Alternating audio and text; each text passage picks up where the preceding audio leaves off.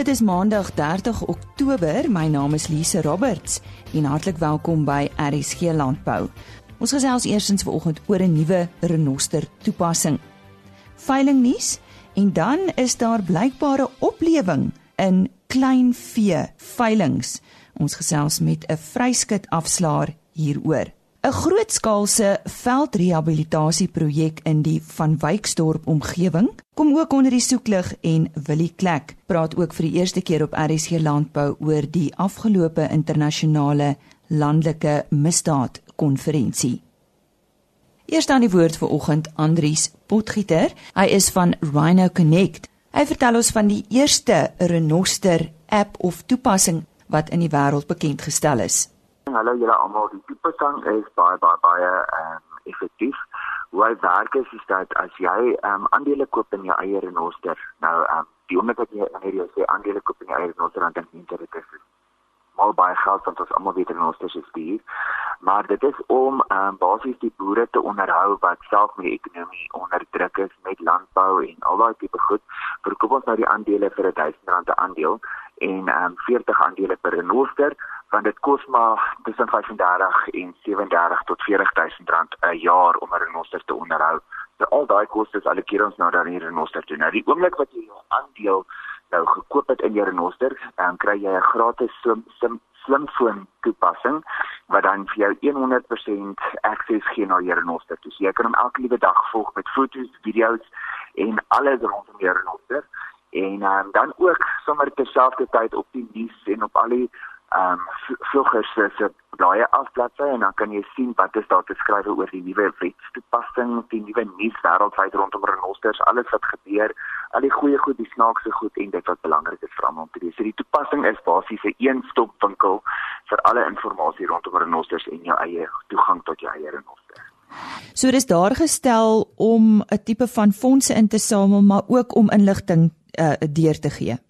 Ja, dit is dit is is tweedelig. Wat dit doen is, um, in vandag se lewe is daar soveel projekte wat mense uh gelde lig om om om gelde bymekaar te maak vir hierdie tipe renosse projekte en ons wil dit heeltemal anders doen met ons boeregemeenskappe is is ons werk vir wat ons reg kry en werk is wat ons doen. So ons het saam met PWK Agri het ons hande gevat, dis 'n geregistreerde finansiële instituut wat ons dan jou aandeel wat jy in jou renoster koop verseker. So as jy jou jou aandeel aankoop vir jou jaar vir jou renoster en jou renoster word wel gestroop kry jy al jou geld 100% terug. Ehm um, as jou renoster aanhou bly lewe, dan betaal ons vir jou 'n bonuspakket uit aan die einde van die jaar om vir jou dankie te sê vir jou investering in die renoster. So dit is nie 'n uh, fondsinsamelingsprojek meer as 'n uh, investeringsprojek nie. Ehm um, en ons maak seker dat jy dan ingelig is rondom renosterbewaring in die private sektor, omdat die private sektor glad nie deur die staat of enige ander organisasies gedra word nie. Het ons besluit om dit te doen as boere om mekaar te begin dra um, op 'n fenominale manier waar niemand uitgebuit word en net geld in 'n bottomless pit gooi vir die Engelsman sien nie maar fisies jy investeer in jou eie renoster jou gelde is beskerm jy kry vergoeding vir dit wat jy ingesit het en sou jy jou renoster verloor kry jou geld terug. Nou hierdie is 'n eerste in die wêreld waar kan ons meer inligting hieroor kry?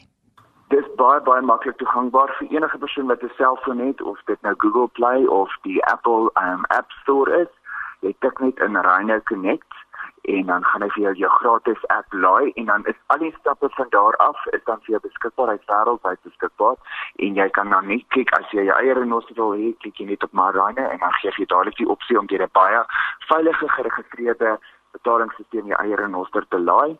Jy kry dadelik toegang tot jou eie renoster toe en dan kan jy ook lees oor alles wat dan op die toepassing is van renosters op daai toepassing. Aan die woord daar was Andries Potgieter van Rhino Connect. En nou so 'n paar veiling berigte op die 1 November is die Kroonvee Brahmane se 45-jarige herdenkingsveiling en dit vind plaas by die plaas Bakshi in Vryburg. 70 stoetbulle en 150 vroulike diere word uh, opgeveil. En dan op die 2de November die Hendrik Du Plessis Charleroi veiling vind by die Vryburg skouterrein plaas. 8 stoet bulle, 25 stoet koeie, 80 kommersiële bulle en 40 kommersiële verse word opgeveil deur uh, Teens Visser van Andrei Kok en Seuns.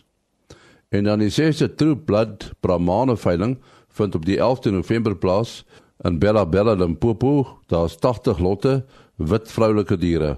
Andrei Kok en Seuns is die afslaers. Tot sover veiling nuus. 8085 En dit was aan Henny Maas met veiling nuus. En ons bly by nuus oor veilings.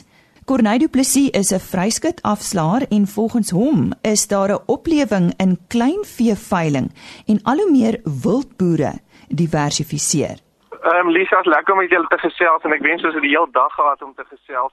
Maar ja, die die die veebedryf nou aangesien die droogte nou daar was en ons kan lank daaroor praat, is daar tekort aan teelmateriaal, maar daar's uh ook ehm um, groot oplewe veral in die kleinveebedryf en ons het baie nuwe toetreders en ons het ook baie wildboere wat nou weer uh terugkom en ons kom ondersteun by die kleinvee veilinge en dit het ons nou gesien in die laaste veilinge wat gehou is en veral in die Bos Boerbok groep se eerste Kalahari Red veiling waar hulle bo verwagting baie goed gedoen het en dit was ook net 'n bewys dat kwaliteit diere tog 'n prys het en mense is bereid om 'n premie te betaal vir kwaliteit diere. En ek sien die veiling het op 23 September al plaasgevind, maar dis nooit te laat om hieroor te gesels nie. So 'n bietjie meer inligting. Ek sien 'n nuwe SA rekord is behaal. Ja, ehm um, die trotse teelers, hulle is ook bekend as teelers van kampioene pryse wat hulle gewen het, Anton en sy seun Rikus Botma en Tannie Magda daar van Vivo se wêreld en hulle is deel van in die bosgroep en op die veiling was die teelers François en sy seun Roan Smit asook Xander Duisel van klein begin boerboksstoet en hulle in die bos teel met boerbokke en Kalahari Reds en hierdie Kalahari Reds veiling was hulle eerste veiling. Nou hulle het van die beste diere seker aangebied wat ek nog op 'n veiling gesien het en die die bewys was daar waar ons top pryse behaal het waar die die ram, hy was by Bloemfontein was hy die twee tand klas wat hy gewen het en in Pretoria was hy die groot en senior kampioen en sy pa was Vinkel wat geen bekendheid nodig het nie, bekendstelling nodig het nie. En ja, hierdie ram het 'n ongelooflike prys van 132000 rand behaal en hy's maar 'n twee tand ram, hy's gebore April 2016 en ek dink hierdie ram 1660 gaan nog diep spore in die Kalahari Red bedryf trap. Corneille, waaraan skryf jy hierdie sukses toe? Ehm um, jy weet ons weet daar's nie veiding nie, ons weet daar's nie water nie, maar dit gaan tog baie sulke goed, gaan dit so goed. Waar skryf jy dit toe? Kyk, ons het nou gepraat oor die kwaliteit van die diere wat aangebied was, maar weet jy ek het daar met 'n Zimbabwe se boer gepraat, dis 'n ou ondersteuner van ons van die veilinge wat ek ken en hy sê een van die goeie dinge wat die ouens begin besef is, jy kan op 'n baie klein stukkie grond volhoubaar boer met uh, boerbokke. En 'n boerbok is baie droogtebestand as jy sien in Afrika en Botswana wat ek baie betrokke was, baie gewerk het, ehm um, en teelers wat ek daar ken, goeie vriende daar. 'n Boerbok kan met baie min water en kos kan hy nog vir jou 'n inkomste lewer. En uh die die vraag om hulle diere, soos hulle praat ons maar van die veredelde boerbok, daar's soveel ruimte vir verbetering veral in die buurlande. Jy weet, as hulle net 'n goeie kwaliteit ram by hulle ligter oeye sit met met die lang hare. Goed skielik in jou F1 generasie kan jy al die verbetering sien. Skielik het jy 'n sterker lam wat met op 'n hoër gewig gespeen word. En ek dink dis een van die groot dinge dat dat die ouens besef hulle kan met minder water op 'n baie kleiner stukkie grond 'n volhoubaar boer met 'n boerbok en jou kontantvloei soveel vinniger. Hulle teel so vinnig aan en dan so vroeg geslagsryp. Ek dink dis een van die groot dinge en ons aanvraag vir ehm um, kwaliteit Kalahari Reds in die Midde-Ooste. Ons het 'n baie sterk koper uit die Midde-Ooste gehad wat Ian Brown van Andre Kok en Seun ehm um, bewerkstellig het. So die aanvraag vir goeie kwaliteit Kalahari Reds wêreldwyd, veral ons buurlande Zimbabwe, Botswana, Namibië en dan natuurlik het ons nou hierdie groot koper uit die Midde-Ooste ook gehad het bygedra tot die goeie pryse en dan natuurlik die kwaliteit van die diere wat aangebied is. Goed Corneille, dan verneem ek daar was ook wildboere teenwoordig. Wat was die doel van hulle besoek? Lisa, jy weet ek dink ek dink boere is aanpasbaar en dis ehm um, hulle moet oorleef, so hulle moet aanpasbaar wees en die feit van die saak is weens die erge droogte sit ons met 'n tekort aan vleis in hierdie land en die boere het sien op daai geleentheid raak want vir die volgende 3 jaar volgens die ekonome by Serringse Boeredag kan ons nie voorsien in die behoeftes van die land nie en as jy gaan kyk wat boerbok vleis kos, hy is nie op die rakke nie want daar is nie genoeg nie en hy is duurder as lamsvleis en ek dink dis een van die groot redes en omdat hulle veral in die bosveld waar dit droog is, kan jy baie maklik 'n boerbok voer skuif en jy het 'n eindverbruiker en jy kan sonder baie infrastruktuur kan jy baie maklik jou diere oplaai en van hulle ontslaa raak en verkoop. Daar's 'n baie groot mark vir op die stadium in die land, uh, plaaslik alleen. Wanneer kan ons uitsien na nog 'n veiling soortgelyk? Definitief volgende jaar. Dit was in die bos se eerste produksieveiling. Ehm um, weet almal was maar met uh hulle maag. Dit was soos 'n openingskolwer gewees voor die tyd en almal is die, die dit was bo verwagting goed geweest. Die datum is klaar goedgekeur vir volgende jaar 2018 DV September selfe plek in Polokwane sal in die bos weer so 'n veiling aanbied en ek dink die teelers is baie streng op die diere wat hulle aanbied. So hulle bied net topkwaliteit diere aan, jy weet en ek dink hulle het vir hulle self naam gemaak op hierdie stadium en um, hulle het ook geen bekendstelling nodig nie. Hulle die skoue oorheers en daar's 'n goeie gesindheid onder die Kalahari Red teelers in die land en met die klub en uh, ek dink die Kalahari Reds is besig om al hoe sterker te word en um, ek dink jy gaan nog een van die dae ons het weer die nasionale veiling einde Februarie begin Maart 2018 en ek dink dit sal net groei van nou af al nou nou laat dit weer gereën het en ons het weer nuwe moed. Ek het daar gesels met 'n vryskut afslaer, Corneille Du Plessis. En die Maas en Andre Brits fokus nou op veldrehabilitasie. Ons gesels nou oor 'n interessante projek, die Jobs for Carbon en spekkies. Dit is die uh, onderwerp waaroor ons gaan praat.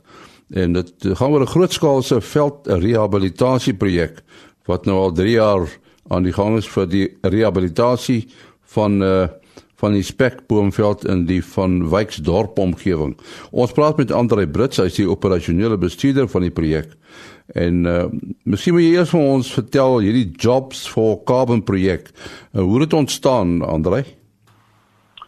Uh die Joshua Carbon projek is eintlik die eerste groot projek van die Gourits Cluster Biosphere Reserve wat 'n baie groot ehm um, inisiatief is en dit het basies ontstaan met gedagte wat een van die persone wat saam met ons werk gekry het rondom die ehm um, eerstens die hervestiging van veld maar dan ook om ehm um, basies die verstoring van die klimaatsverandering en aardverwarming ensovoorts teen te werk die Die spekboom is die plant wat die meeste koolsuurgas of koolstofdioksied uit die atmosfeer uh, opneem en verwerk.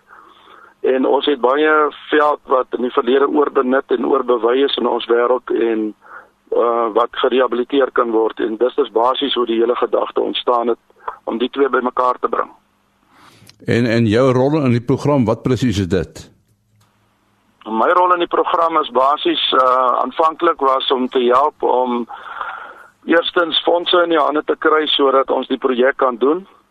Daarna het ons uh uh uitgereik na plaaslike grondeienaars om grond te kry waarop ons dan nou die spekbome kan hervestig. En toe ons dit alles in plek gekry het, het ek basies dan nou begin om spanne saam te stel wat hierdie werk kan doen. En daarna het ons daar die hele projek bestuur tot waar ons vandag staan 3 jaar later. So jy het eintlik op op 'n manier ook werk geskep. Ja, ons die, die hele projek skep het werk geskep aanvanklik ehm um, vir 60 werklose mense uit die gemeenskap van van Wyksdorp wat 'n klein dorpie is hier in die Suid-Kaap. En ehm um, so hulle was almal werkloos. Hulle is deur 'n program van opleiding van 'n maand in verskillende dissiplines. Uh so dit gaan nie net oor spekbome plant nie. En daarna het ons na 2 jaar het ons die werksmag uh, as gevolg van finansies moes verklein na 24 soos dit tans is.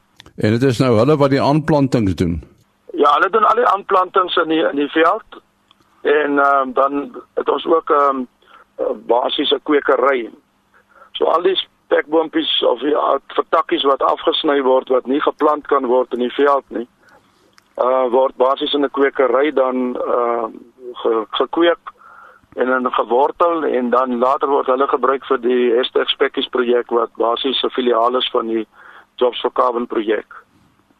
En en die uitstaande kenmerke van die spekboom uh, spekboom, wat presies is dit? Kyk, die uitstaande kenmerke van die spekboom is dat eerstens soos ek sê, dit is 'n baie geharde plant wat uh inheems is aan ons omgewing en wat hier voorkom. Hy is in die verlede oorbenut.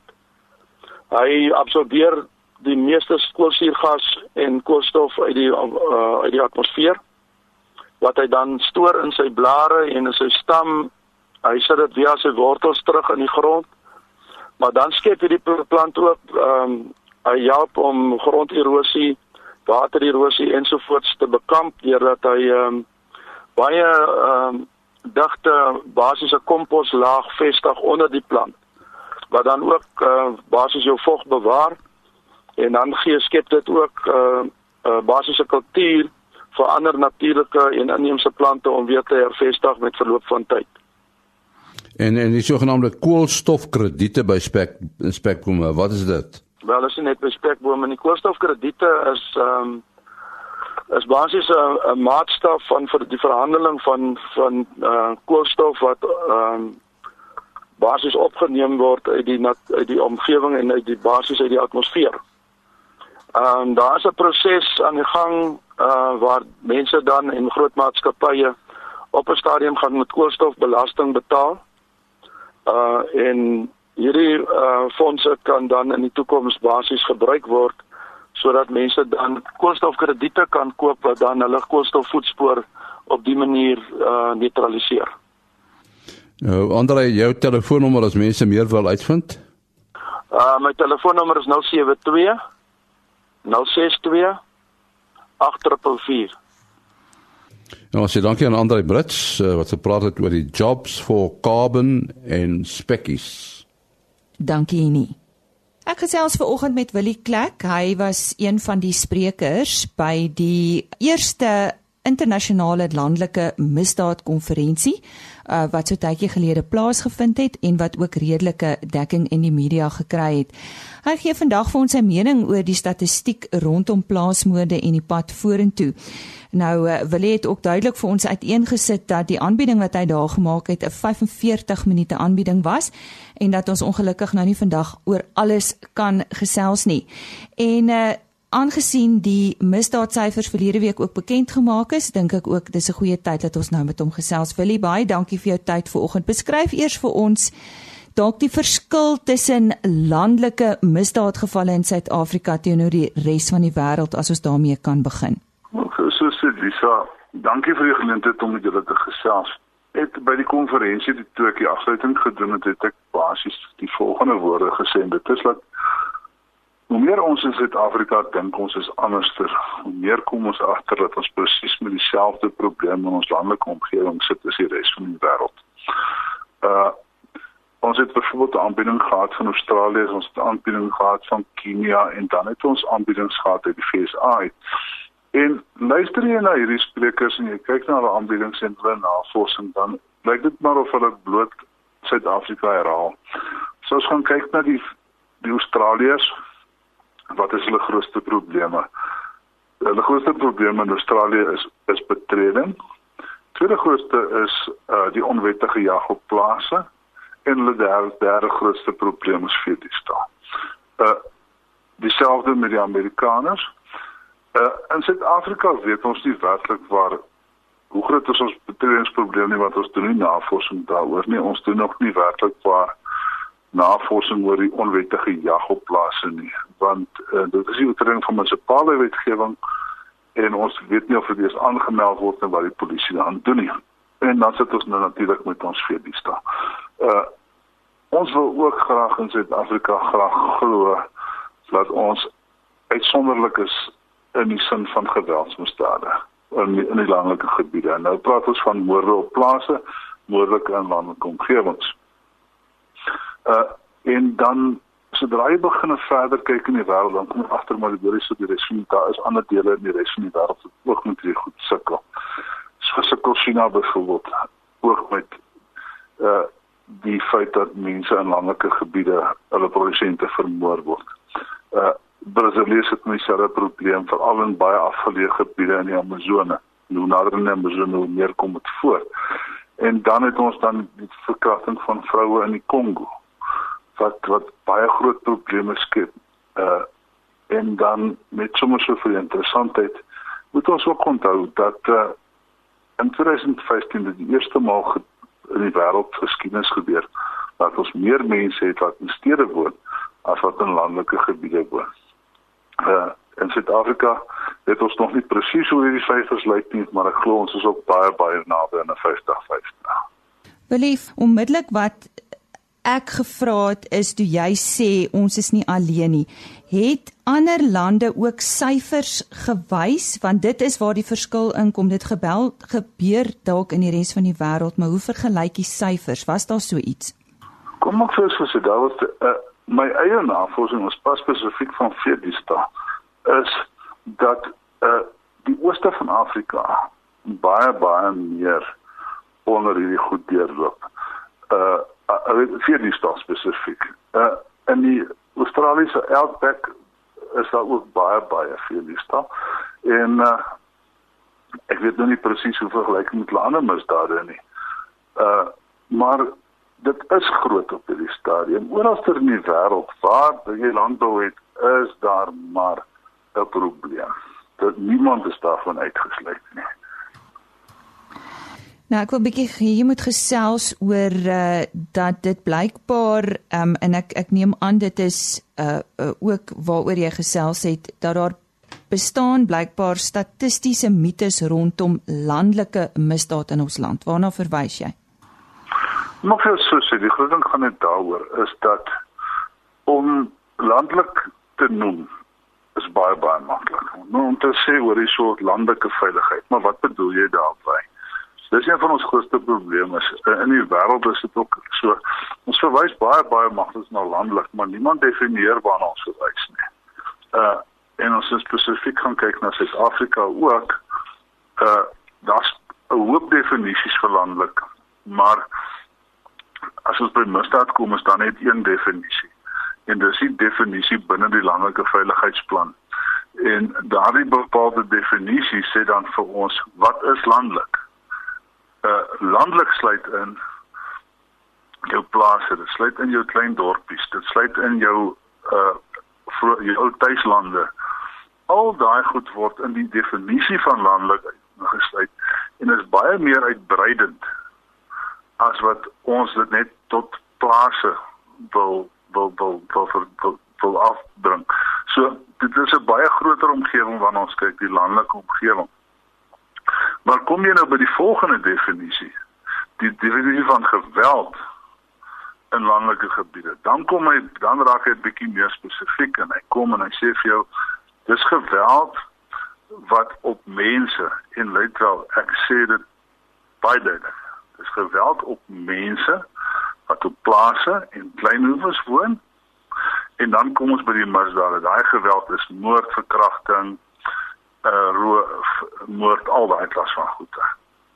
En dan sê hy ook vir dat hy, hy sluit bepaalde goed uit, soos in die geval van ehm um, huishoudelike misdaad en dan oor 'n man teen 'n vrou en daai klas van goede. Daai geweld word nie as geweldsmisdade gesien nie. Maar dan kom ons by 'n baie interessante ene wat ons nog nooit in Suid-Afrika na gekyk het nie. Dis die tweede deel van geweldsmis van geweldsmisdaad in die landelike omgewings. En dit is dat geweld teen infrastruktuur en geweld teen eiendom is ook 'n geweldsmisdaad in die landelike omgewing. Met ander woorde die huidige stakings wat ons het, die feit dat infrastruktuur soos paaie opgevoeder word met brand van paaie in ons in veral in Noordwes op hierdie stadium die die beskadiging van eiendom ensovoorts daardie goed is alles deel van ons landelike veiligheidsmisdade wat ons moet begin aanteken dan gaan ons verder met die eiendom en dit is dat ons vee is ons eiendom op ons plase en die verminking van ons vee is deel van die statistiek so wat ek basies vir jou probeer sê is dat daar's baie meer rondom hierdie ding as net die moorde uh, waarna ons kyk.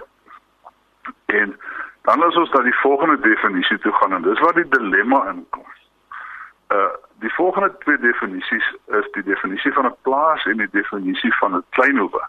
Want onthou in die vorige definisie het ek vir jou gesê dit is geweld teen mense wat op plase en kleinhoewe woon. Nou die klein die plase waarna verwys word is is ekonomies se plase met dan waar ekonomiese vooruitgang is, waar ekonomies mee geboor word en dan sê hulle ook vir jou maar dit sluit die die veeposte en dit sluit die klein dorpies ensovoorts in.